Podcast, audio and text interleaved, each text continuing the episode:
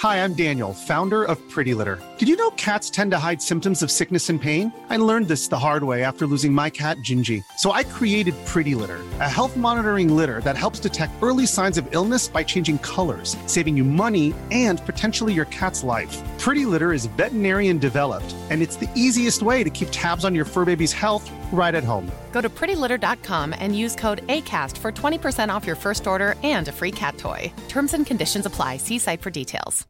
This is Paige, the co-host of Giggly Squad, and I want to tell you about a company that I've been loving, Olive and June. Olive and June gives you everything that you need for a salon quality manicure in one box. And if you break it down, it really comes out to $2 a manicure, which is absolutely insane. It's also so easy to get salon worthy nails at home with Olive and June. The difference between how your nails used to look when you did them yourself and now with the Manny system is a complete game changer. The best thing about Olive and June too is it's a quick dry, dries in about one minute, lasts for five days, and full coverage in up to one to two coats. Visit oliveandjune.com slash perfect Manny 20 for 20% off your first system. That's oliveandjune.com slash perfect Manny 20 for 20% off your first system. Millions of people have lost weight with personalized plans from Noom, like Evan, who can't stand salads and still lost 50 pounds. Salads, generally, for most people, are the easy button, right? For me, that wasn't an option. I never really was a salad guy. That's just not who I am. But Noom worked for me. Get your personalized plan today at Noom.com. Real Noom user compensated to provide their story. In four weeks, the typical Noom user can expect to lose one to two pounds per week. Individual results may vary.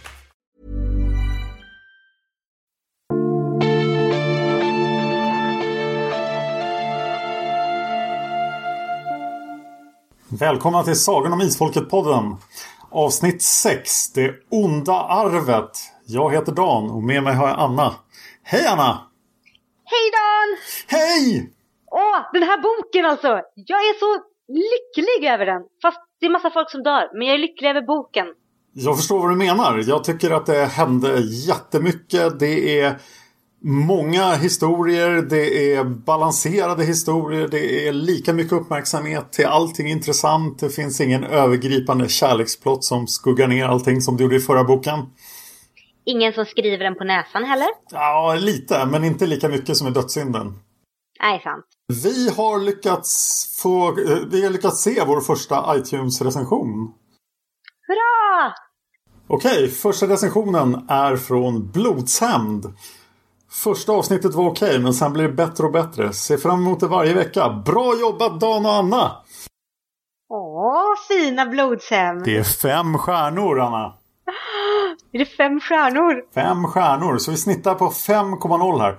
Men vi behöver fler iTunes-recensioner. Så att om ni lyssnar på det här på iTunes eller har ett iOS-device så använd eh, recensionsfunktionen. Eller gå in på iTunes på webben och recensera det. För vi behöver fler iTunes-recensioner. För ju fler vi har desto fler personer kommer att hitta våran podd.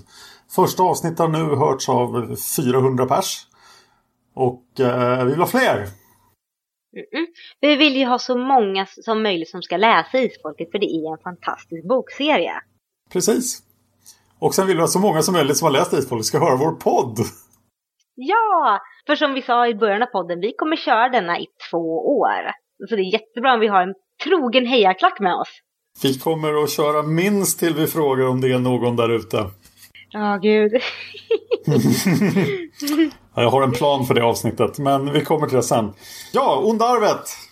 Kolgrim! ja, som eh, i förra boken då, Dödssynden, lyckades ändå spela på att han var liten och oskyldig och alldeles, alldeles, alldeles normal. Jag tror aldrig Margit försökte dölja det för någon.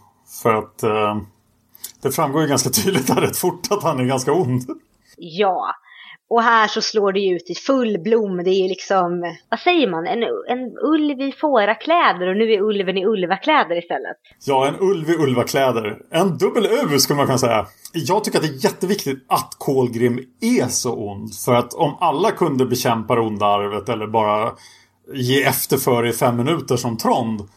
Så eh, skulle det bli ett mesigt. Så vi behöver nu se någon som är genomond i hela sitt liv. Precis. Och om man tänker på det, Sol var inte helt ond. Hanna och Grimar hade sina stunder av snällhet, jag menar de hjälpte ändå Silje och Tengel. Eh, Trond räknar vi inte för han var med i typ fem meningar innan han dog. Det här är den första genomonda karaktären. Ja, vi ska återkomma till vad som verkligen är genomont i den här sagan. För att eh, ja, det kommer mycket värre ondingar än Kolgrim. Men han visar ju väldigt tydligt vad det onda arvet innebär. Och det känns som att eh, den här boken slår verkligen an tonen på för hur ond kan en drabbad bli Ja, som ung. Och det här är så ung när du bestämmer dig för att göra dig av med din lillebror för att komma åt Isfolkets skatt. yes. Det är hyfsad standard att lägga där. Planen är ju inte särskilt dålig. Han har verkligen lyckats tänka igenom det här. Han skaffar ett alibi, han för alla bakom ljuset. Och av någon anledning så kan han inte riktigt bara sticka kniven i Mattias utan han måste. Men å andra sidan gör han sig av med kroppen på det här sättet också. Så att jag, jag skulle säga att det är väl planerat. Ja, och jag skulle säga att nu när jag läste om den, sett ur ett rättsligt perspektiv så hade det varit lite mer humant mot Mattias att sticka kniven i honom istället för att skicka ut honom med en båt mitt ute på havet och låta honom svälta ihjäl. Och Mattias är så god. Ja, Mattias är så fin. Och sen att man får sväva i ovisshet om Mattias öde här också. Mycket snygg cliffhanger där över några kapitel. Ja, så vilken ordning gör vi det här då? För jag vill ju prata gruvor. Ja, vi måste ju börja med eh, gruvorna. Ja, vi börjar med gruvorna. Vi ska inte låta er vänta som Margit lät er vänta. Jag tycker hela den här episoden med gruvorna är ju fantastiskt mörk. Det känns lite Oliver Twist. Det är misär och elände och i allt det här lyckas Mattias behålla sin änglaliknande attityd. Han lyckas vara det här, alltså bokstavligt talat det här ljuset i mörkret för alla som är där nere. Och han lyckas behålla sitt vackra språk och sin, sitt rena hjärta. Och han är ändå bara åtta år när det här händer. Vi har ju snabbspårat lite för det händer ju en del innan han kommer till gruvorna. Jag har svårt att förstå hur långt han åkte egentligen. Jag försökte göra en slags uppskattning på det, kolla på en karta. Och det är rätt långt, men jag vet inte riktigt hur långt det är i mil. Jag kan tänka mig att i Norge är avstånden väldigt stora på den här tiden också eftersom det är så mycket berg och dalar. Och jag tyckte episoden med ekan var ganska, ganska mysig. Han fick sin eka där, Mads. Till och med Mattias som, fast han är vilse, ändå intygar att nej, nej, Mads har fått ekan så inte Mads ska bli av med den till sin husbonde. Ännu ett tecken på hur god Mattias är. Sen tillbringade Mads hela sitt liv där med att åka runt med sin eka och ha det bra. Men stackars Mattias råkar ut för eh, några rövare, lösdrivare. Lösdrivare rövare som tänkte döda honom för att han ju säga att hans farfar är Sörenskrivare. De är ju ganska grymma, måste jag säga. ja, Mattias är en åttaårig liten pojke och de tänker vi nackar honom. Ja, det kändes som Game of Thrones-nivå här. Typ någonting i Riverlands. Ja men eller hur? Men tack och lov så är ju inte det här Game of Thrones så att en av de här onda snubbarna är ju lite mindre ond. Så han, vad ska man säga, räddar Mattias. Ja, han är ju ganska ond ändå, men han, han vill tjäna någonting på det här i alla fall. Så att han tar ju med honom till gruvorna. Och det är ganska otur då eftersom det visar sig senare att det här var typ den enda gruvan i hela Norge där sånt här förekom. Ja men lite så. Och den hade han koll på. Men det är klart, han är ju en ond människa den här Olaves. Så att han måste ju gå till den gruvan som den faktiskt utnyttjar barn. Ja, absolut. Under dubbel N. Vad är en dubbel N? Nedre Nermarken. Han som sköter gruvan. Tillsammans med sin sidekick, Hauber. Och där hamnar ju Mattias. Och eh, den här Nermarken smugglar ju ner Mattias i gruvan där han möter de tre andra pojkarna. Kaleb, Sören och Knut. Och vad utmärker dem? Ja, de är alla, de är alla pojkar. De är alla barn. Och de har alla hamnat lite fel i livet men de har olika orsaker. Kaleb som lämnade sitt hem för att det var för många barn. Knut som bara hade ren otur och Sören som faktiskt hade haft ihjäl några män. Som faktiskt har det bättre i gruvan än utanför där han faktiskt skulle bli dödad. Det känns som hans plan för att komma undan inte var helt optimal.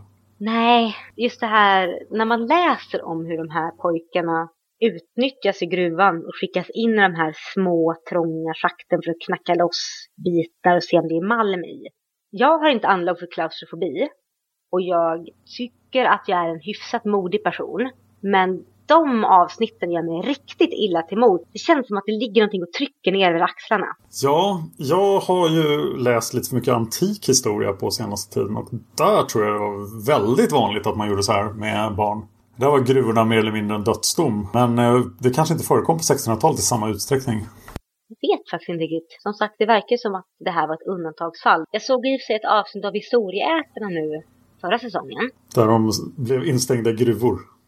Nej, det var familjer som tillsammans jobbade i gruvorna. Jaha. Men där var det ändå familjer och mamma, pappa, två barn och tyckte att ja, men det här med gruvor är rätt bra. Och de ändå sa att hela familjen jobbar här för att man ska få ihop pengar. Men det verkade ju lite mer, det verkar som en misärvariant men ändå lite mindre misär än den här varianten där pojkarna är ensamma och övergivna och jätteledsna. Margit gillar ju att skriva om riktig misär och jag tycker här är ett exempel på när du gör det som bäst. Det är nattsvart men det finns en liten glimma hopp hela tiden och det finns någonting positivt. Ja, man får ändå reda på att pojkarna, i alla fall Kaleb Sören och Mattias, äh, Kaleb Knut och Mattias, har en plan om att komma ut och de tappar ändå aldrig hoppet. Nej, och några av gruvarbetarna sticker till dem lite bröd och det finns några ljuspunkter. Men Knut är sjuk. Han är jättesjuk. Han har varit för länge i gruvan. Mm. Och Caleb börjar bli för stor nu. Han börjar växa till sig rejält. Då blir han eh, obekväm för nermarken och eh, hans kumpan. Ja, vad gör de då? Så då skär de bara halsen av dem och slänger ner dem i ett schakt? Eller? Det låter... jag, skulle gissa, jag skulle gissa på det i och med att han aldrig kan komma upp i gruvan för då skulle de avslöja att de har barn där nere. Skrämmande. Ja, inte så bra framtidsutsikter i det yrket. Nej, dåliga pensionsavtal. Men eh, Sören förolyckas då. Han var, den lösa, han var den som de misstrodde lite grann. Ja, precis. Och det var ju för att han sagt att om ni har en rymningsplan så kommer jag skvallra på er för jag måste vara kvar här nere. Just det. Och sen dör ett gäng andra pojkar också som man aldrig får reda på namnet på. Det bara nämns att de kommer in och rev ner skreden. Så det är också sån här det nämns så lite men det är en sån väldigt hemsk sak ändå att tänka på de här pojkarna som kommer in och bara dör och, in, och så står det verkligen ingen pratar om dem mera. Men sen själva rymningen, den är ju greven av Monte Cristo-värdig. Alltså det är helt fantastiskt spännande när de ska krypa upp för det här röret. Ja men eller hur! Jag satt och gnagde naglarna, inte benet känns som, för jag var så nervös och orolig för att hur ska de klara det? Det är otroligt otroligt spännande. Ja, och de är ändå liksom, nej vi lämnar inte Knut för han måste komma ut och Caleb tänker han klarar sig aldrig men han måste få se solen en gång till. Och även fast de har ändå jobbat i gruvan i nästan två år nu eh, och de är starka. Jag satt och tänkte på det här, att ta spjärn med fötterna och händerna mot en skorstenspipa som är hyfsat smal men inte för smal och inte för bred och kravla sig uppåt. Och nu snackar vi alltså att den här skorstenspipan är rejält lång. Var det en pipa? Jag såg att föreställa mig riktigt. Det kändes som på slutet att det var mer som en, ett schakt. Alltså jag tolkar det som att det var en murad skorstenspipa hela vägen. Ja, det kanske det var. Mm. Jo, det måste det varit i och med att den var murad uppåt också. Ja, hur sjutton får man in en sån i en gruva? Man måste ha en, en väldigt liten murare. Ja, jag blir lite osäker nu. Jag måste dubbelkolla här. Jag har boken ändå med mig. Jag började tänka mig som ett smalt kaminrör och sen var jag tvungen att bredda det för att de skulle få plats i det. Och sen var det väldigt så här, det kröktes och det kändes lite naturligt på något sätt. Ja, alltså det står rökgång på flera ställen. Ja. Och så står det att han tog spjärn med händer och fötter mot den i grova i överkant varma muren. Okay. Men jag blir väldigt osäker här faktiskt. Ja, vad, vad, tror du läsaren? Kommentera. Hur, är det här ett murat schakt eller ett gruvschakt? Det som vi i alla fall kan slå fast vid att den översta delen som är ovanför marken ja. är i alla fall murad. Det står att det är en skorstenspipa och den klättrar de ändå upp för för att sen hoppa ner på marken. Ja, och eh, de kommer ut till slut och det är ett galler där men de tar sig igenom det. Och det är så fint det här, de samarbetar hela tiden och är så beslutsamma att, just här, ingen ska lämnas kvar, vi tar oss ut tillsammans eller inte alls. Ja, och de får, kommer ut och de får andas frisk luft och se solen igen och det är jättefint. När de ser solen, alltså jag grät. Det ska jag inte hymla med. Jag klarade mig ända fram tills Knut dog. sen, sen kom det. Nu spelar vi in en, en, eh, lite snabbare än vad vi har gjort tidigare just den här gången. Men det här är den enda boken hittills som jag verkligen har sträckläst som jag inte har kunnat lägga ifrån mig. Utan här läste jag på en tågresa. Mm, ja, men jag, jag är på samma spår. Jag kunde inte släppa den. Ja, pojkarna drar vidare och kommer till något litet, eh, någon liten fäbod där, eller motsvarande. Och där vilar de upp sig. De hittar lite mat, de hittar, de, de tvättar sig. De har det rätt mysigt där uppe på säten. Ja, och Knut får sitta där i solen och dö jag tycker det är så fint på ett sätt. Ja, det är jättefint. Och Mattias lilla brev där. Felstavat och allting. Och också det här som, vi har ju ändå fått lärt känna Mattias väldigt bra i den här boken. Och vi har fått lära känna Caleb väldigt bra också. Att han är väldigt mycket av en klippa, han är väldigt karaktärstark.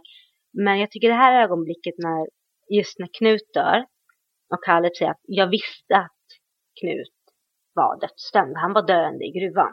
Och Mattias visste inte om det, men ändå att Caleb blev så otroligt faktiskt att få ut Knut för att han skulle kunna få dö i frihet. Ja, det verkar så otroligt gott att det nästan verkar dumt.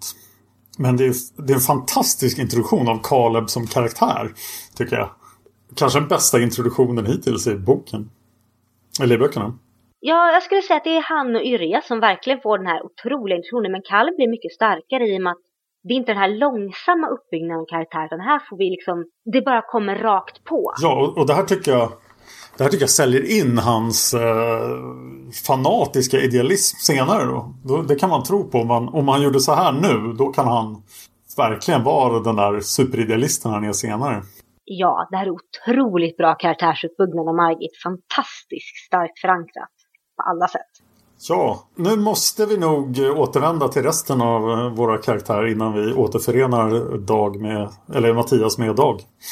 Ja, för Kolgrim förde ju bort Mattias, eller ja, förde ut honom till havet, rodde ut med honom. Mattias somnade, Kolgrim puttade ut båten. Om det var mer humant än se kniven i honom, man kan spekulera. Eh, men det har ju varit, sedan dess har det ju varit sorg och kaos på både Gråstensholm och Lindalen. Absolut, och Kolgrim letar efter skatten men han kan inte hitta den. Ja. Hej, jag Ryan Reynolds. At Mint Mobile, we like to do the opposite of what Big Wireless does. They charge you a lot, we charge you a little. So naturally, when they announced they'd be raising their prices due to inflation, we decided to deflate our prices due to not hating you. That's right. We're cutting the price of Mint Unlimited from $30 a month to just $15 a month. Give it a try at mintmobile.com slash switch. $45 upfront for three months plus taxes and fees. Promote for new customers for limited time. Unlimited more than 40 gigabytes per month. Slows. Full terms at mintmobile.com. I'm Sandra, and I'm just the professional your small business was looking for. But you didn't hire me because you didn't use LinkedIn jobs. LinkedIn has professionals you can't find anywhere else, including those who aren't actively looking for a new job, but might be open to the perfect role, like me.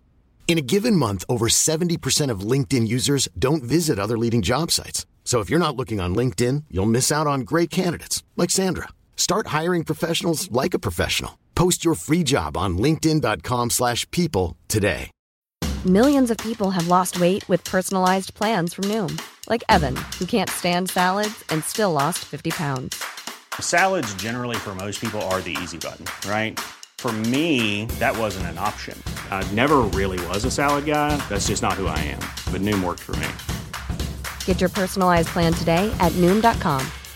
Real Noom user compensated to provide their story. In four weeks, the typical Noom user can expect to lose one to two pounds per week. Individual results may vary. För vi har ju glömt, vad var det som utlöste Kolgrims ondska egentligen? Ja, det var ju Tarals uh, dumma uh, kommentarer. Ja, gud. Taral, inte isfolkets geni! Nej, verkligen inte. Det så här, hur högt har du i social skill? Vad är social skill? Ja, okej, vi lämnar det där. Men det kändes som att det bara var en tidsfråga ändå. Ja, det hade dykt upp förr eller senare. Men just att det här kom att rikta sig mot Mattias var väldigt olyckligt. Ja, han var väl alltid måltavla nummer ett. Mm. Lillebrodern som dök upp och var liksom en liten ängel. Ja, de borde ha skickat honom till Danmark. Eller de borde helt enkelt ha förgiftat Kolgrim när han föddes som Tengel föreslog. Ja, men de bad från honom. Ja. Det, det vet, märker vi i den här boken att det går ju till helvete. Vad hände mera då hemma i Norge? Eller hemma i Gråsensholm, Lindalen. Vad heter det området någonting? Gråsensholms socken heter det. Det som händer har ju, här måste jag ju bara få lägga ut mig lite grann över hur den här sorgen efter Mattias beskrivs. För det skär i mitt hjärta. Att hur, hur alla i familjen påverkas, och särskilt Yrja. Jag, där var jag tvungen att bara lägga ner boken. För att jag klarade inte av hur starkt detta påverkade Yrja och Tarald. Jag kände så starkt av Yrjas ångest när hon vaknar mitt i natten och sen springer runt och fortsätter springa runt och ropa i skogen hela nätterna och dagarna i sträck. Och, Och Tarald som bara stänger in allt det här och bara går och sörjer. Ja, och det, det gör ju att det blir så fantastiskt bra när han kommer tillbaka. Men det vi också måste nämna är att Kolgrim han försöker, han vet ju att Tarjei har ju skatten. Men Tarjei är inte där. Nej, för Tarjei är i Tyskland. Men skatten är där, tror Kolgrim. Och det är den ju. Ja, är den det? Ja, han hittar den inte i alla fall. Nej. Fast han letar väldigt noggrant. Mycket noggrant, överallt. Men han hittar någonting på vinden, eller hur? Ja, det gör han faktiskt. Han hittar någonting på vinden. Jättehemligt vad det var för någonting. Precis, det står ingenting. Det står om att han hittar någonting på vinden. Och sen så kommer han ner som en belåten katt som har svalt en råtta. Vi får ju reda på det var senare, men det var väldigt mycket hemlighetsmakeri om det. Mm, och det är en väldigt snygg cliffhanger för när man läser första gången tänker man att han har hittat skatten fast han är lite för nöjd och lugn. Ja, och här var det ju lite skrivande på näsan när vi faktiskt fick reda på vad det var. För att det var ju ingen karaktär som fick reda på det. Alla som visste vad det var var döda. ja, men precis. Men det var så snyggt gjort ändå. Det bäddar upp så snyggt för, för nästkommande böcker. Så att det, jag förlåter faktiskt Margit det. Ja, jag med. Jag är beredd att förlåta Margit mycket. Men vi har misär, vi har Kolgrim hittat någonting på Vindien. Men som sagt, tillbaka till Tarjei som är i Tyskland och nu är färdig läkare. Ja, och så får vi lite krigsrapporter, men det är lite snabbspolat här då. Ja, det är svenska kungen har stupat vid Lützen. Det går inte bra för danskherren. Krigsherrarna tar ihjäl varandra. Har jag missat någonting? Nej, de fick inte med min favoritteori om uh, Gustav II Adolf. Det är att han, han hade redan, han dog vid Breitenfeld. Och att de hade så här, blåst upp honom som en ballong. Och så, och så låtsades de att han var vid liv ett år. Och sen vid, vid Lützen så, så sprack ballongen. Den teorin är inte så himla bra underbyggd men... Den är jättedålig, jag är ledsen. Och då hade de en dubbelgångare hade de stoppat upp Nej, de hade liksom blåst upp honom för han var så tjock.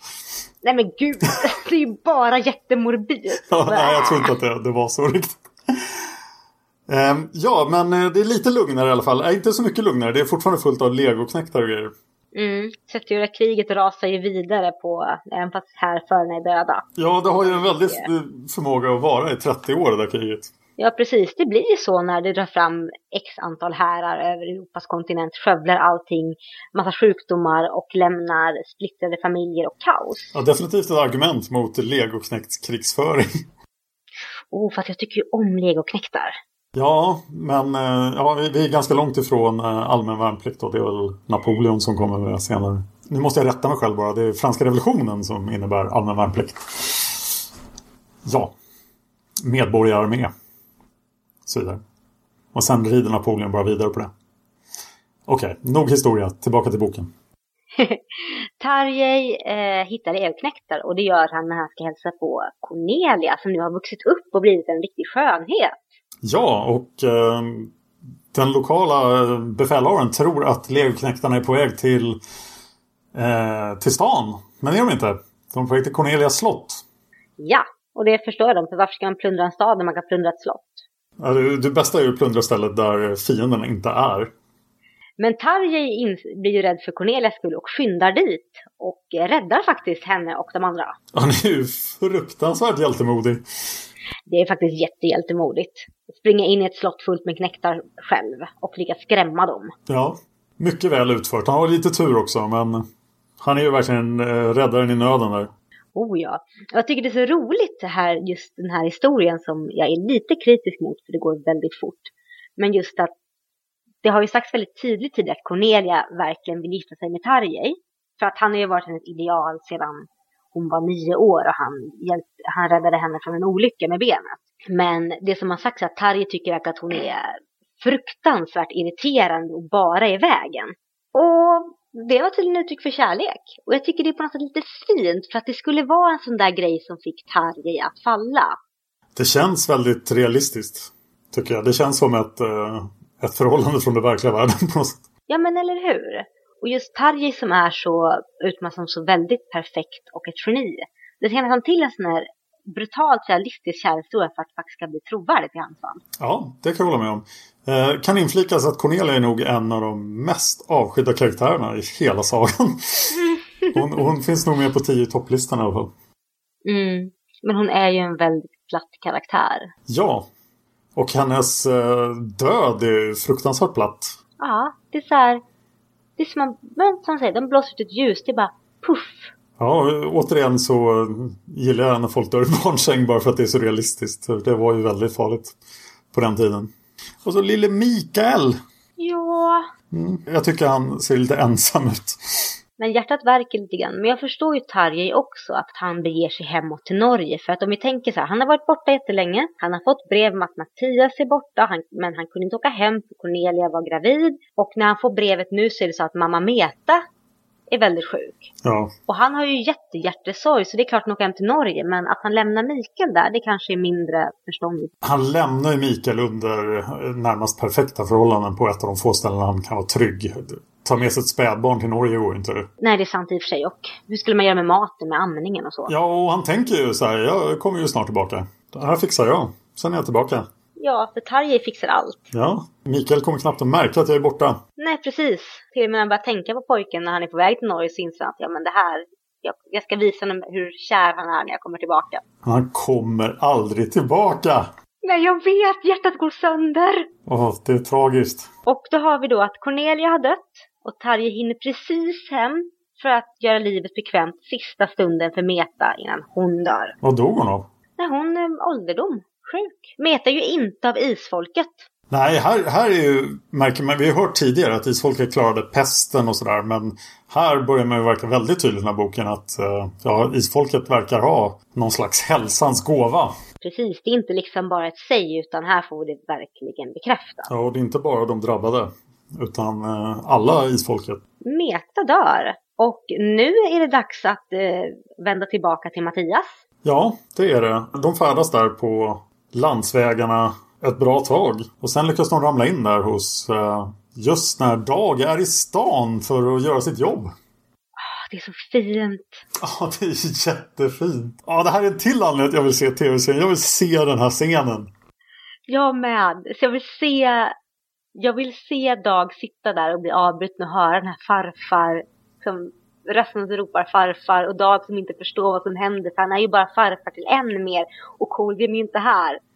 Och sen när han inser och förstår att det är Mattias som kommer springande. Ja, det är helt otroligt. Två år senare. På en plats där de aldrig väntade sig att de skulle hitta honom. Det här måste ju vara alla föräldrars dröm som någonsin har förlorat ett barn den minsta lilla tid. Ja, och jag tycker det är helt fantastiskt. Jag menar, farfaren som återförenas med sitt barnbarn. Och det är så otroligt rörande ögonblick. Det slår mig nu att det är mycket så farfars relationer i den här boken. Eller två olika. Det, ja, det har du rätt i. Ja. Mm. Farfar issues. Mm. Nej. Nej. Eh, ja, underbart. Och Dag får återvända till eh, Gråstensholm med Mattias och som bonus Caleb. För Mattias tycker kom med hem. Och det tycker Caleb också är en rätt bra idé. Mm, jag tänkte det nu, nu visste jag, hade ju läst boken förut, men jag tänker ändå när Caleb säger jag tänker inte ligga någon till last. Då är det, du är fast i Gråsensholm för alltid. Ingen kommer undan. Och är du fattig och har ingenstans att ta vägen, välkommen. Precis. Vi släpar hem folk. That's what we do. Ja, det här är väl high score på släppa hem-listan också. Ja, men jag får säga att det är en fantastiskt fin scen igen när de kommer hem till Grossensholm och Mattias återförenas med sina föräldrar. Åh, det är så fint! Yrja, man blir så glad för henne. Ja, fantastiskt glad. Och Tarald som bara... Ja, jag känner väldigt starkt för Tarald i den här boken överlag. Efter att i fyran, liksom i längtan har varit en karaktär jag mest blir irriterad på. Och i femman märkte man knappt av honom alls. Han började inte den här boken så starkt, men... Nej, gud nej, men han växer verkligen. Det tror jag är för att han, han får ge uttryck för så mycket sorg och så mycket kärlek i den här boken. Så att jag, jag tycker verkligen om Tarald i den här boken. Efter att jag ville slå en stol i ansiktet på honom för att han blumpade ur sig om isfolkets skattsalt Kolgrim went crazy. Han överskuggas ju väldigt mycket i eh, uh, att vara intressant av sina två söner. Och Kolgrim har ju, äh, återigen, jag kommer jag kom ihåg Kolgrim som ganska korkad. Men han är inte alls korkad. Han agerar omedelbart. Han Mattias är tillbaka, jag måste slå till. Men vi har, han måste hitta skatten. Precis, och det har han gjort innan när Tarjei dök upp. Ja, men det är precis innan, eller hur? Ja, precis innan. För när Tarjei dök upp så började Kolgrim med den här Hej Tarjei, Vad är du? Jag följer med dig överallt för att se vad som händer och kanske tänkta skatten. Men det hjälpte inte så mycket. Nej, det hjälper inte. Eh, men eh, här får ju Colgrim faktiskt hjälp. Eh, det här kommer jag inte heller ihåg, men det är ju ganska tydligt att han inte gör det här själv, utan han får ju hjälp. Det är väldigt diskret, men det är ju... Det är ju Sol som spökar här. Alltså. Det är Sol som spökar, någonting annat kan vi inte säga och jag hade också glömt bort det här. Men det är väldigt tydligt att Sol hjälper sitt barnbarn. Gud, hon är mormor. Ja, och varför gör hon det? Det känns helt, helt out of character för henne. Ja, och här skulle vi gissa att visst, hon måste ju förstå att den här Colgrim är ju ond. Hon vet ju vad han har gjort Mattias. Men jag skulle gissa att igen så är det den här eh, grandmother tingy versus barnbarn tingy. Alltså att hon som mormor känner att jag vill hjälpa mitt barnbarn. Klart du ska få leka med skatten Colgrim. Ja, när jag var i din ålder hade jag inte fått leka med skatten och det ska inte få hända dig. Ja, så kan det vara. Sen kan det också vara att eh, om hon nu är i någon slags eh, mellanrum mellan livet efter detta och det nuvarande livet så kanske hon helt enkelt har lite problem att uppfatta verkligheten. Ja, fast Colgrim bad ju henne aldrig om hjälp. Han bara lockade på skatten och Sol tyckte, var en bad som sa skatt? Ja, och, och Colgrim verkar ju totalt tom på magi. Han kanske kan mana fram mormor när det krisar. ja, men annars ingenting. Men jag är imponerad som du säger att han väljer sitt tillfälle så rätt. För att han hittar skatten, vet vad den är och väljer att avvakta tills han märker att Mattias är tillbaka. Just det, det här kommer inte gå bra. Nu drar jag. Ja, och han gör det innan någon hinner fatta någonting. Så han får ett rejält försprång. Japp. Och sen sticker han över halva Norge. För det han, lä- det han hittade på isfolkets vind på Grossensholm visar ju honom vart han ska. Men det vet ju ingen annan. Nej, och här kanske Sol hade någonting att göra med det också eftersom hon ju faktiskt var den som upplevde det som hände i dalen. Som det stod skrivet om i boken. Och, men det låter ju också jättedumt. Varför skicka Kolgrim dit i så fall? Ja, precis. Hon blev ju rädd för det. Så varför skulle hon skicka? Jag vet inte riktigt. Jag tror att hon är andeförvirrad. Jag tror att hon är jätteförvirrad. Hon bara hörde skatt och tyckte absolut klart, klart att ungen ska ha lite skatt att leka med. Och sen tänkte inte mera. Tyvärr har ju Kolgrim isfolkets skarpaste hjärna mot sig och han eh, gör Sherlock-jobbet där. Mm, det som tog Kolgrim flera dagar att lista ut, listat här ut på typ en halvtimme. Ja, han bara haha, elementärt min kära Yrja. Eller vem som nu råkar stå bredvid. Och så, och så tycker han Quest! Vi måste dra till dalen. Yes, we ride! Mm, och vi kan inte ta med oss några mesar så vi tar med oss de här starka personerna. Bergfinn och Bård. Ja, Bergfinn och Bård. Dubbel B! Och han tar med sig Kaleb också som faktiskt är därifrån. Eller inte från Isfolkets men från norr Trondheim-ish. Ja, han har ju till och med hört talas om Isfolket. Ja, just det. Och den är väldigt intressant i och med att när de flyttade ner till Gråsensholm ja. så var det för att de skulle komma så långt bort från Isfolksryktena som möjligt. Och sen också var det så för att alla rykten om Isfolket sades ju ha dött där och då. Men att historien fortfarande lever kvar för att Kaleb är ändå född väldigt långt efter Tenger och Siljes död. Ja, men det, det tycker jag är väldigt realistiskt faktiskt. Att det är så här, ja, gamla, den gamla generationen berättar att ah, det fanns här läskiga isfolket i bergen. Så, oj, oj, vad de gjorde saker. Och nu har ju Kolgrim, det känns som att han blommar ut. Alltså som att han borde ha några magiska krafter här. Men han har bara så här galna ögon. Ja, galna ögon som brinner och lyser. Och inte så mycket mer alls. Ja, han känns som en, en level 1-magiker som kan mana fram mormor 15% och sen har han galna ögon 100% i hans spells. Och ingenting mer. Om han var smart innan så känns det att just nu gör han bara lite så här förhastade, korkade beslut. Ja, han är ju väldigt eh, indiskret. Stormrider fram genom halva Norge. Folk som bara, det var en jättekonstig kille här med gula ögon som red förbi. Det var inte så diskret alls. Nej, och man borde... Alltså han, han gjorde ju inga ansträngningar för att inte... Eller för att sudda ut sina spår. Så att tanken att han är förföljd borde inte finnas hos honom. Så då skulle han ju kunna vara... Alltså att de inte vet vart han ska. Så att eh, han borde ju vara diskretare. Men han är 14 och han är lite galen och sådär. Så att, Precis, ja. och han tror att han är på väg att bli världens största häxmästare. Vilket också är konstigt för han har aldrig haft några förmågor. Men han tänker väl kanske att det ska hända när han väl kommer fram till Isfolkets dal. Ja, men det tänkte jag också när jag var 14 faktiskt. Så att, men det, det gick inte. jag, var, jag var nog 15 faktiskt. Men ja, vi talar inte mer om det. Och så kommer vi tillbaka till dalen. Och det är så mäktigt. För sist vi lämnade den så var den ju, okej den var inte full av liv men den var ju ändå, nu har den ju ändå stått övergiven väldigt länge. Och det känns så tydligt. Det är 50 år sedan de lämnade dalen och, och det känns verkligen som det. De övervuxna husgrunderna, hur liksom hur allting verkar ha verkligen ha stannat i tiden. Det är mäktigt. Jag känner liksom ensamhetskänslan som finns i Isfolkets den här väntan som bara, dalen som bara håller andan så här, kommer det komma någon någon gång hit? Och det känns ju verkligen som att den hade kunnat vara övergiven all den här tiden. För att, eh, ja, vem skulle vilja bo där? Nej men precis. Varför skulle någon ge sig upp där? Och här kolgar man ju sig Isfolkets skatt. Och eh, ja, och vad hittar han i Isfolkets skatt förresten Dan? Han hittar en dubbel A! Vad är en dubbel A? Åsam Alruna! Precis! Heja Alrunan! Men åh, Alrunan gör en tre här igen. Och det tycker jag är fantastiskt. Ja, och den blir hängd runt halsen. Och Kolgrim tycker att han ska bege sig den här platsen som han då har fått höra om. Då undrar man ju om Alrunan faktiskt har någon effekt om den hänger runt halsen. Det kan vi återkomma till i senare böcker. Men nu har ju Tarjei, Kalle, Berg, Finn och Bård också kommit fram till dalen. Ja, de tog den långa vägen runt. Ja.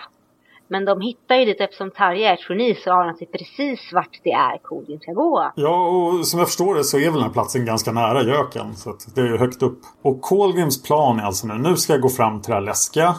Så då knarkar jag lite. Och, och, lite så här slumpmässiga saker också. Han verkar ju veta någonting om vad som är gift och vad som inte är gift. Ja, han har ju typ lite baskunskap men inte så mycket. Ja, jag kan ju tänka mig att Tengel eller Sol faktiskt märkte upp saker på något sätt också. Tengel mer än Sol, förmodligen. Ja, Sol tror jag är så här, eh, whatever. Vad kan gå fel? Och sen går han då till den här farliga platsen upptäcker att Oj, vad det här var läskigt! Det var helt hysteriskt läskigt. Så tillbaka till stashen och hämta mera knark. Precis, ta massa pulver och så här, känna sig stark och så igen. Och nu, nu ska han flyga.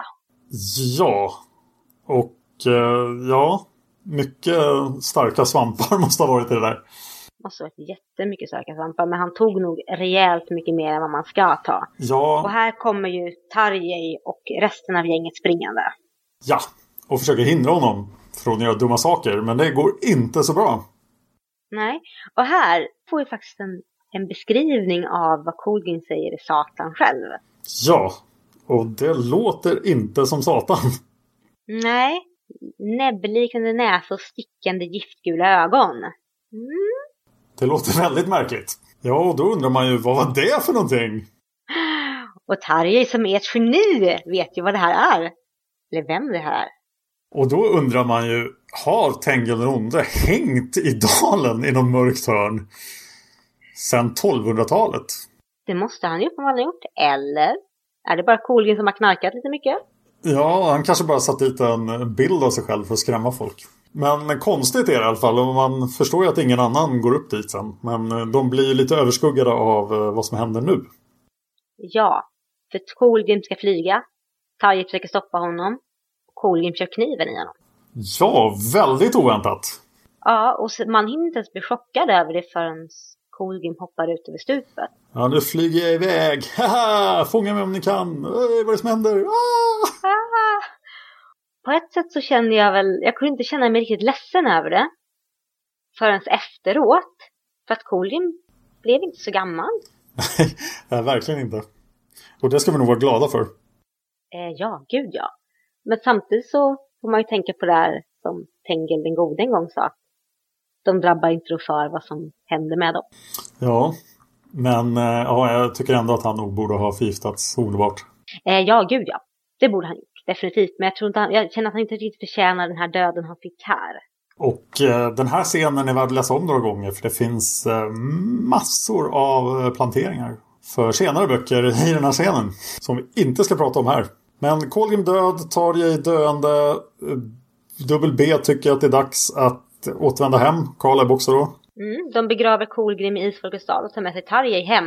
Ja, och de glömmer vad man gör i alla dataspel. Man måste ju lota dem man har dödat. Precis, de gör inte det. Så de begraver Kolgrim med allt han har på sig. Ja, Alrunan blir begravd. Precis! i Isfolkets dal och där kommer den kanske få ligga. Ja, jag tror Alrundan kanske gillar läget och ligga i Isfolkets dal är inte helt fel, men den är borta. Vi andra är inte jätteglada över det här. Nej, den har inte, den har inte gjort någonting än. Det är bara en gammal fånig rot än så länge. Precis, men vi reda på att den är ju viktig. Ja, den är jätteviktig. Mm. Men de tar hem Tarjei. Ja, och eh, det går inget bra. Trots att de försöker verkligen kämpa för att rädda dem och hela familjen Paladin med Alexander och Cecilie och de två barnen har kommit hit så dör han. Ja, och eh, här, det här får mig undra om det var så himla bra idé att uh, släppa honom hela vägen tillbaka till Gråsensholm. De försökte ju ändå få alla, de var ju tvungna att få ut numerdalen. Och de frågade ju varenda läkarkunde de träffade på vägen och alla bara nej. Ja, det kändes lite för bekvämt att de kom tillbaka till Gråsensholm. Ja, men de, de var ju tvungna att få hem honom och han levde ju, men känns som han bara klarade sig nätt och jämnt fram till Gråsensholm. Tillräckligt för att säga lite, lite viktiga ord. Men sen dör han! Isfolkets stora geni. Och det här var väldigt oväntat för att det har varit så mycket Tarje i tidigare böcker. Att det var väldigt oväntat han bara försvann. Ja, han kändes ju nästan som huvudpersonen i hela sagan just nu. Ja, efter det. Han var liksom den enda, eller den starkaste ankringen tillbaka till Tengel. Men det blev, han blev inte så gammal. Och vi har ju hans son, lille son som han aldrig fick komma tillbaka till. Ja, och här skulle man kunna tänka sig att de förlorar kontakten med Mikael direkt, men nej. Utan här gör då Are sin stora resa till Mikael. Och det är bara feel good. Det är så här, han, han är där och Mikael gillar sin farfar och allting verkar jättebra. Ja, och tänker man ja, snart, snart uh, ses de igen. Ja, men när Are kommer hem så är ju ett träd nedtaget. Ja, och Dag dör och man får inte se det. Nej, och det känns så snopet för att det har varit väldigt mycket känslomässiga ögonblick med Dag i den här boken och sen bara så dör han. Hepp! Off-screen, vad hände liksom? Fast det gör ju hans död lite lycklig på något sätt. För han fick uppleva den här stora lyckan innan han då, ja, dog av ålder i princip.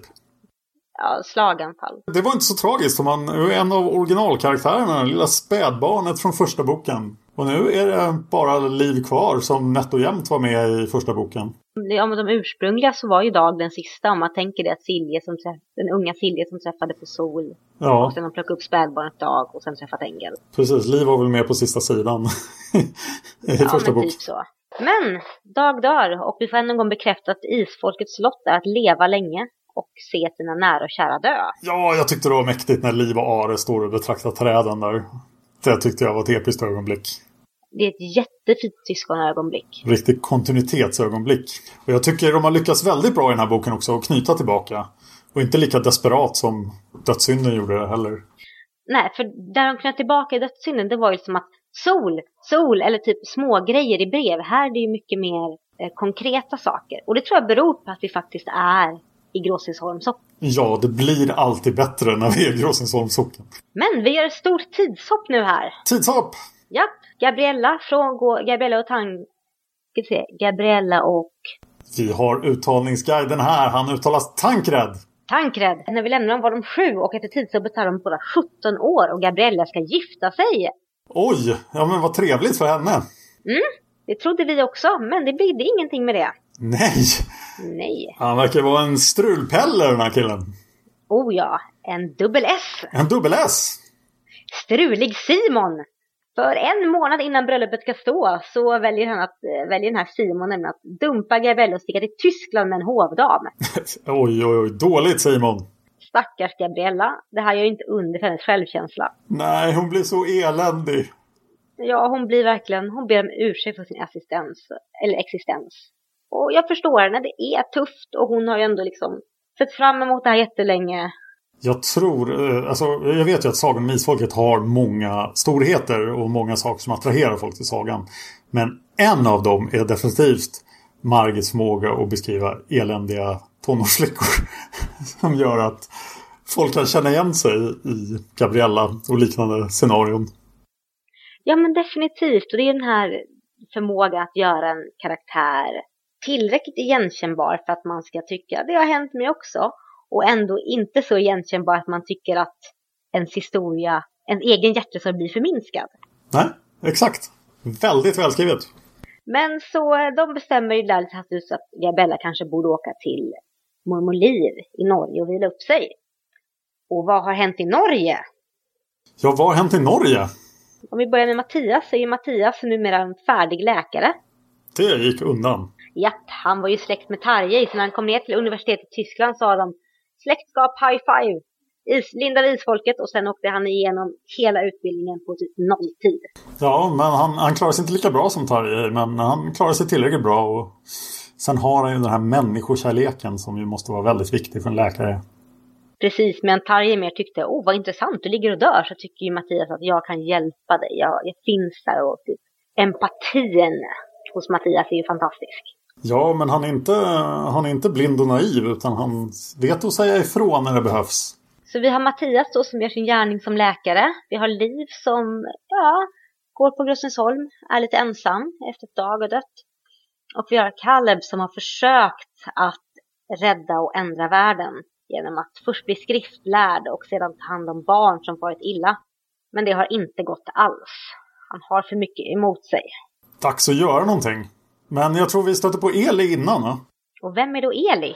Ja, Mattias är hos den här eh, gamle mannen och försöker ge honom lite vård. Och då säger han, kan du inte se till mitt barnbarn? Jag skickar henne till Nygårdsmoran, heter hon så?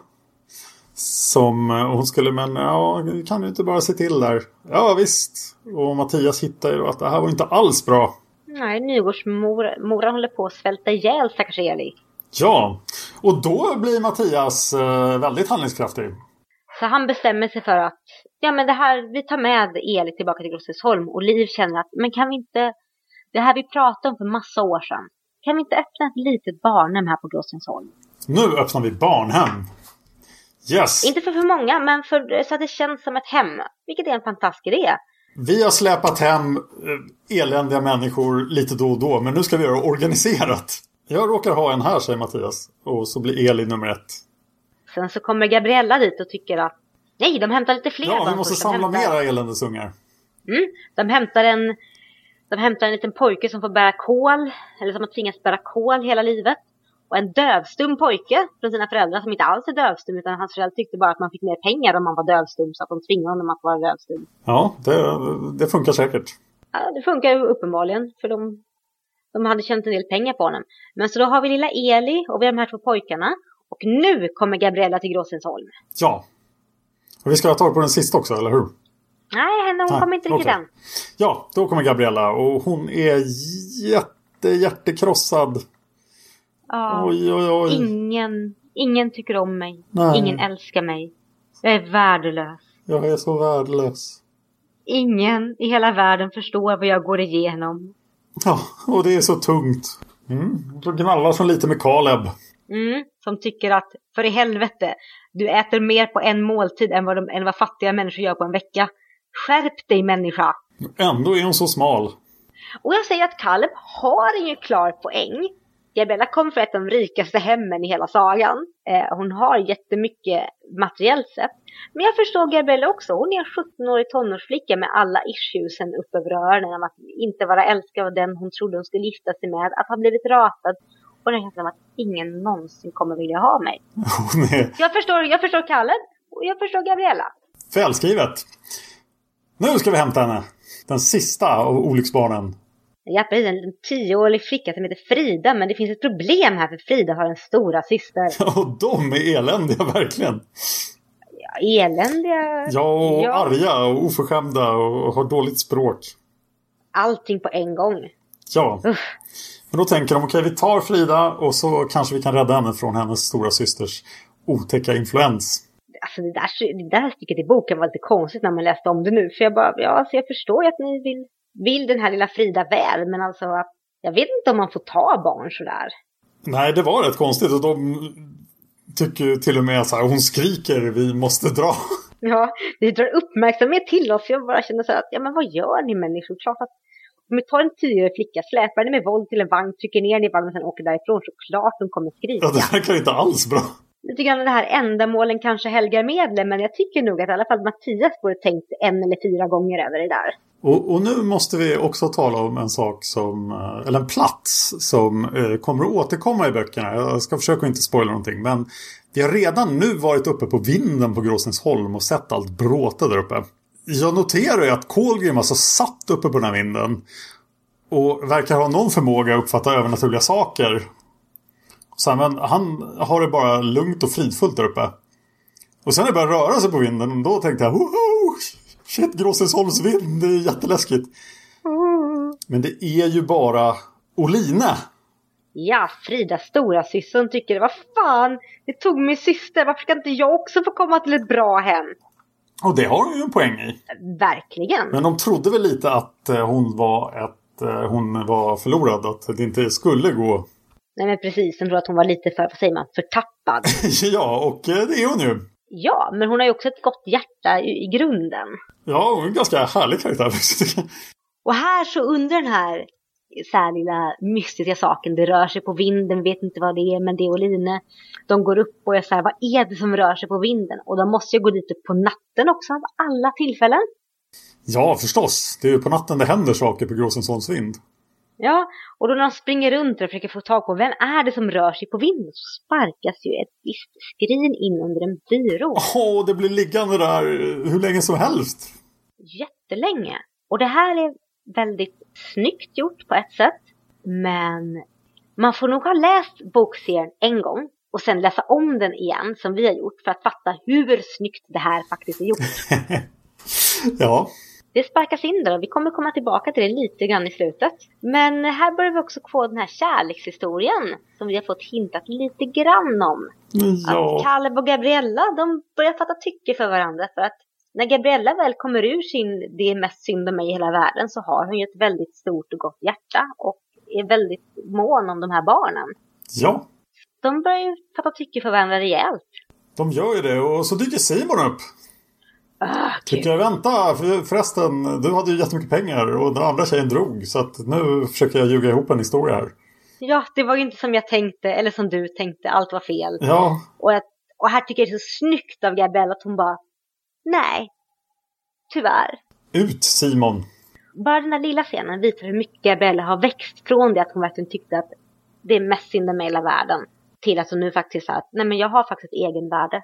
Och jag har lite självbevarelsedrift. Det var bra att vila upp sig hos mormor. Ja, och eh, jag, jag blir nästan förvånad att eh, någon ens tvivlar att de ska få gifta sig.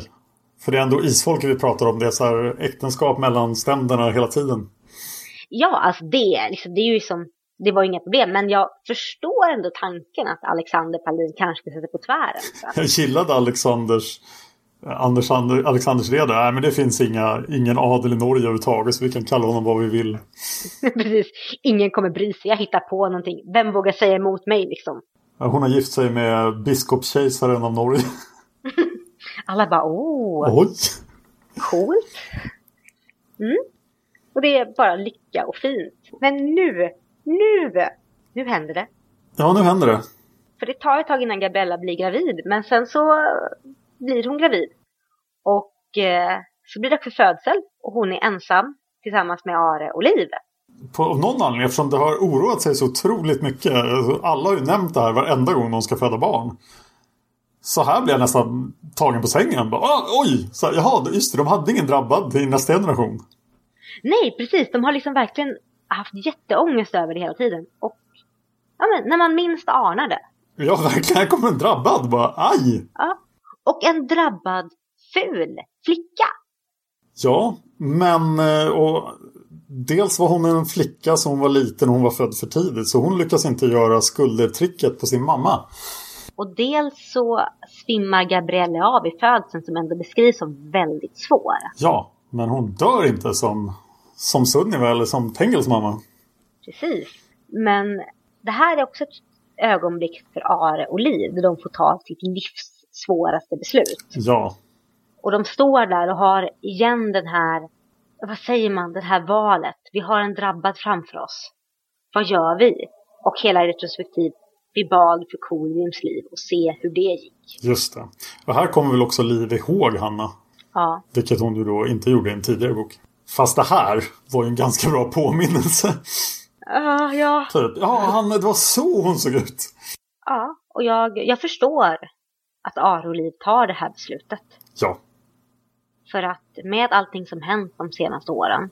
Ja, så här, ska vi ha en till Kolgrim? Bara nej.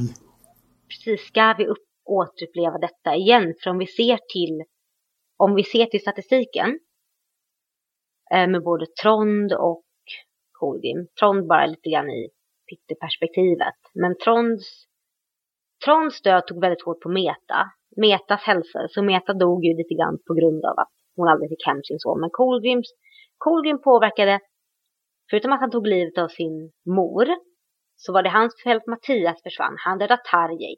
Dags hälsa fick sig så allvarlig knäck av det som hände att han strök med också. Mm.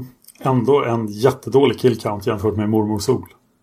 Oh ja. Fast mera nära familjen förstås. Dåligt. Ja, det är jättedåligt. För det är nästan i klass med Sol. För att det är mer tätt inpå. Ja, sämre på alla sätt.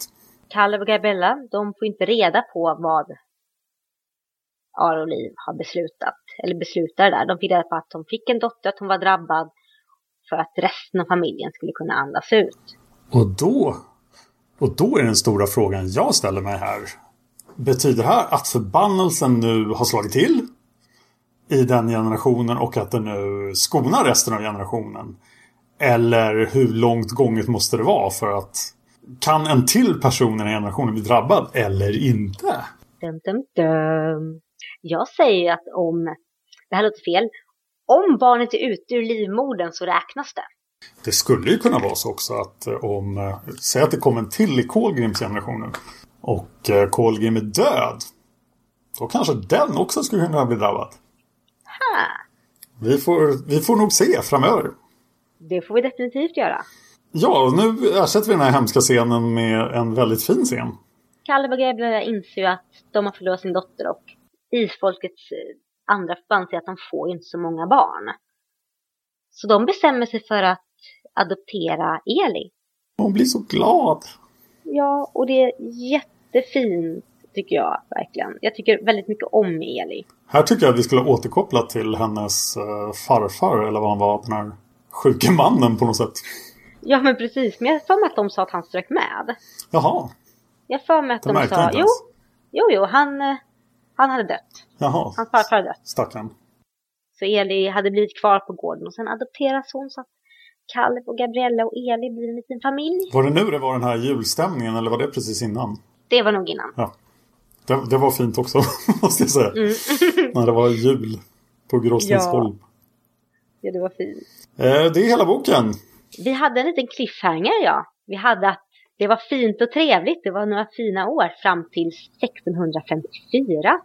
Då hände något skrämmande. Mm, det var heller inget dåligt år, även om det började nog så skrämmande. Mm. Dun, dun, dun. De kanske hittar ett spökslott. Kanske det kanske. Det låter otäckt. Det kan vara positivt spökslott också, men det vet vi inte. Mm, spökslott är sällan positiva.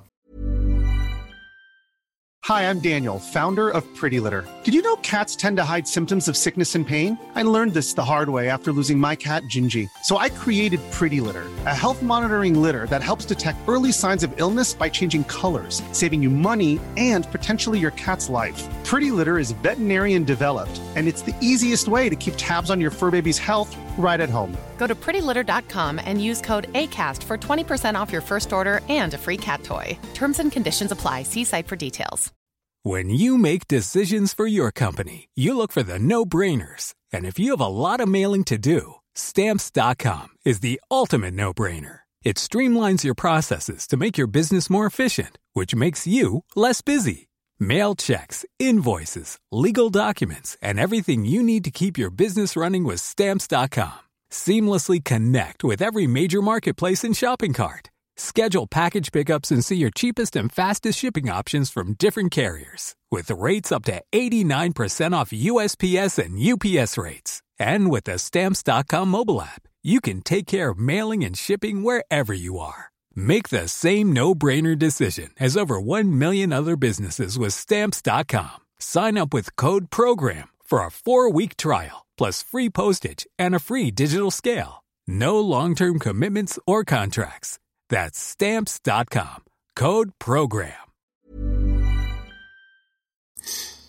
Då ska vi se vad ni eh, lyssnare tyckte om den här boken, ni som hann läsa den innan, innan vi gjorde avsnittet. Nu var det som sagt en vecka snabbare så vi fick inte riktigt lika många svar som vi brukar få. Då börjar med ett svar från Heike. Som inte har svarat på våra frågor. Ja, och nu har hon upptäckt att hon inte har svarat på våra frågor. Så att hon har lovat att göra det från och med nästa bok. Ja, men jag får säga att jag gillar väldigt mycket Heikes svar som de har varit hittills också, så vi är väldigt tacksamma för dem. Och eh, hon skriver så här då. Jag vet att jag börjar bli tjatig, men det här är också en stor favorit. Klart att inte Kolgrim gått och blivit snäll. Var det någon som trodde på det? Elakingen lurar ju lille Mattias och säger att han ska titta på delfinerna, vilket slutar med att Mattias hamnar i gruvan hos den dumme nermarken. Jag har lite klaustrofobi och de känslorna får stort utrymme när jag läser om pojkarna som tvingas in i trånga gruvgångar som kan rasa ihop när som helst. Och så Tarjei som gift sig med Cornelia. Väldigt icke-isfolket av honom. De passar ju inte alls ihop. Tarjei skulle ha en tjej som är mer som Cecile. Smart och snäll, liksom. Det känns som att Margit snabbt vill fixa så att Tarjei får en extrakommande. Och det är smidigt att välja Cornelia. Typ enda tjejen Tarjei har pratat med utanför släkten. Och sen låta henne dö i barnsäng. Den här boken har nog de allra bästa glädjescenerna. Till och med bättre än Charlotte-scenen i häxjakten. Den första underbara scenen är när Mattias möter Dag efter att ha varit i gruvan i två år. Mattias springer genom rummet och ropar Farfar, det är farfar! Och Dag börjar gråta av glädje. Jag gråter också. Den andra glädjescenen kommer strax efteråt när Dag är på väg hem med Mattias och låter kusken blåsa i hornet genom hela socken. Resten av ishavsklanen tror att Dag blivit tokig när de ser Mattias får tar de inte fram ett ord utan kramar sin son hårt. Yrja bara skriker och Liv nästan svimmar av chocken. Nästa mening får du inte läsa för det är en spoiler. Ja just det ja, det får jag inte läsa. Kolgrim dör i den här boken. Kastar sig drogpåverkad ner för en klippa. Aldrinan begravs med honom. Även Kolgrim dör för att, eller även Tarjer dör efter att Kolgrim sticker honom med kniven. Det känns så oavslutat att Tarjer dör. Jag hade väntat mig så mycket mer av honom. Varför bygga upp så mycket om hur intelligent han är och hur fantastisk han är som läkare om det ändå inte blir en fortsättning på hans liv? Något mer som känns ganska snopet är att Dag har dött när Ari kommer hem från sin resa. Jag gillar inte när stora karaktärer bara försvinner. Jag vill läsa om familjens sorg och sörja med dem. Inte bara höra att jo, Dag är död. Död. Det gick snabbt. Sen kommer sånt där dumt tidsapp igen. Plötsligt är Gabriella och Tankred vuxna. Nåja. Och Gabriella ska gifta sig. Efter att ha blivit brutalt dumpad söker hon sig till Norge och hittar till slut kärleken i Kalev. En ny isfasbyggnad i dagens ljus. Elistrand. Den fick aldrig det namnet. Än. Nej, och, och, vi glömde nämna det, men bra Heike att du påminner Ja, Alexander Paladin slängde upp ett hus där. Så, ah, ska min dotter bo i Gråsösholm, då måste hon ha ett eh, värdigt hus. Ja, jag gillar Alexander. Nåja, Heike igen. Paret får ett drabbat barn som inte får leva och jag kan inte bestämma för jag tycker det är rätt eller fel av Aroliv att inte göra något. Bokens slut är konstigt. Och nu citerar jag från boken. Och det var slutet på en lång och svår tid för familjen. Sen följde sex lugna fina år, ända fram till 1654. Men det var heller inget dåligt år, även om det började nog så skrämmande. Och sen ska jag inte spoila mer. Jag tror att du måste läsa nästa mening faktiskt. Okej då. Jag tror inte att det bara är jag som förväntar mig att nästa bok kommer börja år 1654 med det där farliga som Margit talar om. Men nej då. Nu är det Tankreds år och år till 1649. Ja, eh, och det kan vi kanske prata om mer nästa gång ifall vi kommer ihåg det. Men eh, jag, jag tycker Tankred förtjänar lite uppmärksamhet nu för att han framstår som helt outvecklad i den här boken. Han är han är bara en typisk bror. ja, precis. Och med tanke på att han tog Gabriellas historia väldigt snabbt här så är det väl rätt logiskt som tar hans nästa. Ja, så mer tankar nästa gång. Ja. Läser du nästa? Ja, och det är ju Blodshem då. Eh, vad tycker du om Det onda arvet? Överlag tycker jag att det är en bra bok, men tyckte att det var otroligt tråkigt att läsa om Mattias del. Tycker boken får nytt liv när Gabriellas del börjar.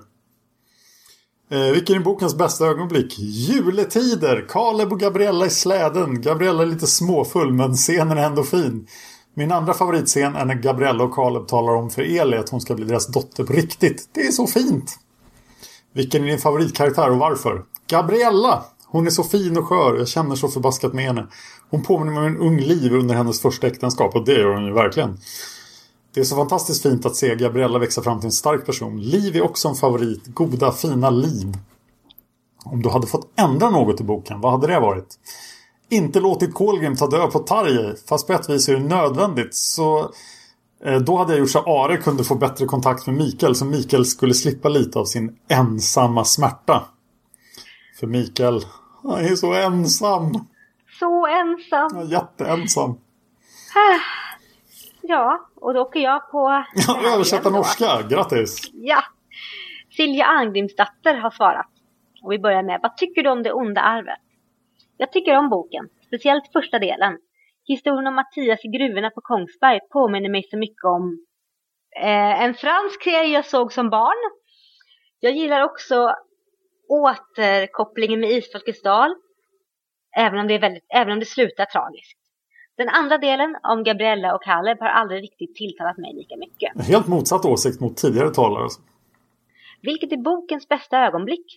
Det, må vara, det måste vara när Mattias blir återförenad med sin farfar Dag efter alla strapatser. Och när han kommer tillbaka till Gustinsholm under fulla fanfarer och Liv undrar om Dag har blivit helt tokig. Vilken är din favoritkaraktär och varför? Lille Mattias är så fin, så, varg och så, omstänks, så varm och så omtänksam. Och jag är väldigt förtjust i Tarjei, den sympatiske och intellekte. Farfar Tengels stora hopp. Ja, det måste jag inflika då att Tarjei väljer ju att Mattias ska få skatten efter honom. Och det känns ju som ett väldigt korrekt val. Oh ja, det fanns väl ingen annan riktigt värdig arvtagare. Nej, nej, jag tror att Mattias är det rätta valet. Får se vad Mattias kan göra med en. Utan Alruna. Silja Arngrimsdotter igen. Om du fått ändra något i boken, vad hade det varit? Jag hade låtit Tarje överlevat Kolgrims angrepp. Tarje är en intressant karaktär som hade varit spännande att följa vidare. Det känns lite bortkastat att han dör så ung. Jag hade hellre funnit en... Ett annat sätt att låta lilla Mikael komma bort från släkten på. Korrekt, ja. Eh, som tillägg vill jag ha, vill jag ha ge, vill, skulle jag ha gett Dag stöd lite mer uppmärksamhet än att Are kommer hem och säger att Lindens hans är försvunnen. Dag har ju varit med helt sedan starten och även om han aldrig blir någon huvudperson så är han en viktig karaktär. Ja, det är han ju onekligen. Och sedan så måste jag säga att vi fick en liten, vi fick en lyssnar, fick en, liten, en liten lyssnarreaktion här ända från andra sidan jordklotet. Oj! Ja, det är Paladin som är ute och flänger och far. Och som hon skickade till mig via mail eftersom hon hade dåligt wifi. Vad skrev hon då? Hon skrev eh, Tarji är min favoritkaraktär. Han är så klok och säker fast han är så ung. Och vad som än antyds så tror jag att han och Cornelia hade fått ett bra äktenskap om de hade kunnat få leva samman. Mattias barnarbetarår i grottorna tycker jag är fantastiskt beskrivna. Jag känner verkligen att jag är där, i gångarna med barnen. Och sedan så dog hennes wifi, så det var allt vi fick från Paladin. Men jag tycker ändå, heja Paladin! Tack så jättemycket! Var var hon någonstans? Jag tror hon är i Australien. Jaha. Nej, hon är i Kanada. I Kanada. Kanada. Ja. Jag tänkte säga några sista ord om Tarjei där. För jag delar den här irritationen av att han dog när jag läste sagan första gången. Men det känns nu rent författartekniskt rätt viktigt att han dör här. För att det är en väldigt oväntad död. Det är en viktig karaktär. Men i och med att han dör här så har Margit etablerat att ingen är säker. jag måste ju tänka på Game of Thrones när man liksom sitter hela tiden och bara nej, nej, alla kommer att dö.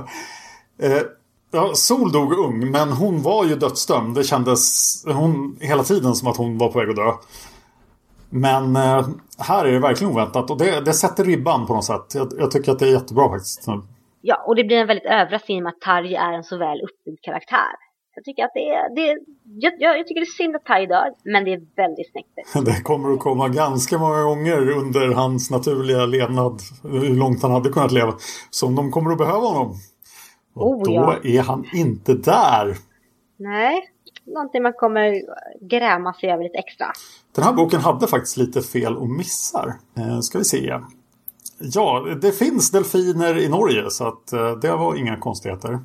Eh, vi hade vittnesrapporter från folk i Norge som såg delfiner på forumet. Vi har en tråd på forumet om varje bok där det finns fel och så vidare. Där kan du gå in och tjuvläsa i, eh, läsa i förväg. Ehm, tydligen finns det i några upplagor farmor och mormor har blandats ihop. Och det kan höra med det norska uttrycket bästemor då. Då skulle jag väl säga att det inte är så mycket som ett fel från Margits sida, utan det är ett översättarfel. Ja, och eh, som jag har fått det berättat för mig så skriver alltså Margit på en hejdlös blandning av norska och svenska. Så att det finns två översättare. Alltså böckerna översätts, översattes både till eh, svenska och norska. Efter att de har skrivits. Och gud, stackars översättare. Ja, eh, för Margit är alltså svensk men har bott större delen av sitt liv i Norge. Och hennes make var norsk. Ett till fel på sidan 165 faktiskt. Så pratar Cecilie och Gabriella. Det kommer ett brev från Liv och så plötsligt har Liv en replik. Ja, plötsligt liv i Danmark. Ja, för Gabriella säger Mattias har ögon som värmer ända ner i ens frusna själ. Men du har väl ingen frusen själ, log Liv medan hon läste. Men det var ju hennes brev som de läste. Precis, det måste vi räkna som ett fel. Ja, det kan också vara korrigerat i senare upplagor, jag är inte säker. Jag tror inte det. Jag har hittat det i de flesta av mina. Eh, och sen var det en bit text som var borta i vissa böcker också. Mm, men det vill jag räkna som ett tryckfel. Jag har min upplaga av Det onda arvet innehåller i slutet efter den sista sidan innehåller ett stycke från Avgrunden och ett stycke från Vintersorg. Från Vintersorg? Ja, alltså efter det att eh, historien Det onda arvet tar slut så är det en blank sida. Ja. Och sen kommer två stycken varav ett ifrån Avgrunden och ett ifrån Vinterstorm. Förlåt. Ja, Vinterstorm.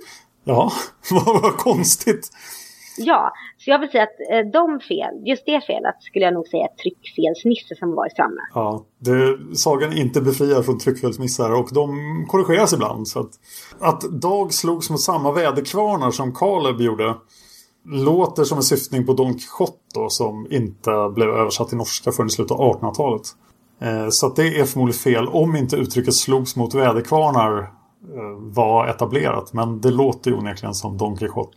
Ja, dessutom så tror jag inte att Norge har så mycket väderkvarnar så det är ett vedertaget norskt uttryck. Mm, bra fråga.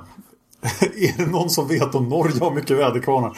Berätta för oss! ja, men om vi utgår från att det syftar på Don Quixote så måste vi räkna det som ett fel. Ja, jag vill att ni går in på forumet isfolket.se, klickar på forum och rösta på den här boken. Det finns en forumdel som heter eh, omröstningar eller röstningar och recensioner. Där kan ni gå in och ge ett betyg på 1 till 10 på den här boken. Och på alla andra böcker, varje bok har en egen omröstning. Och när vi är klara med det här då, om två år, då ska vi sammanställa vilken bok som är bäst och göra en topp 10-lista och kanske en botten 5-lista också. Eh, ja, recensera oss på iTunes har jag redan tjatat om. Forumet har jag pratat om. Jag tror vi är klara. Var kan lyssnarna hitta mer av dig, Anna? Jag har en blogg, setsunaseras.blogspot.se där man kan läsa mer om eh, mitt liv och vad jag gör och, och vad jag tycker är intressant. Eh, jag har även en Twitter, Anna Seras, jag är rätt aktiv där. Och jag har en Facebook-sida som heter Setsuna Seras där jag skriver om när vet mina bloggtexter kommer upp och också bilder på söta kattungar. Och Dan, vad kan man hitta mer av dig? Ja, för att hitta mig så måste ni gå till Ekelundsbron. Det går över Karlbergskanalen i Stockholm. Och en mörk natt vid midnatt. Och, eh, och där måste ni titta ner i mörka vattnet och säga mitt namn tre gånger. Och då kommer jag uppenbara mig. så, det var allt för idag. Tack så mycket Anna! Ja, ha det bra. Vi hörs!